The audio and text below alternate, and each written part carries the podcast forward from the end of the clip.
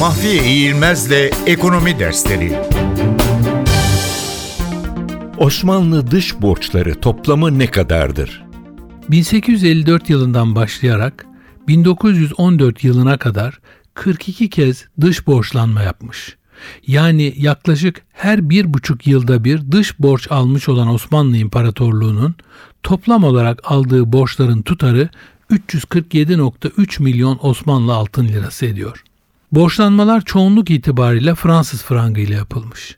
Borçlanmaların birçoğu bazı bölgelerin gelirlerini mesela Mısır eyalet gelirleri gibi veya işletmelerden elde edilecek gelirleri mesela demiryolu işletmeleri veya tuz yatağı işletmeleri gelirleri gibi ya da bazı vergilerden yapılacak tahsilatları mesela aşar vergisi tahsilatları gibi teminat göstermek suretiyle yapılmış bulunuyor.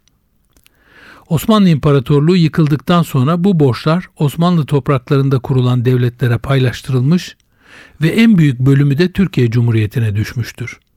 Türkiye Cumhuriyeti 1954 yılına kadar süren taksitlerle Osmanlı borçlarından kendisine düşen miktarı geri ödemiştir.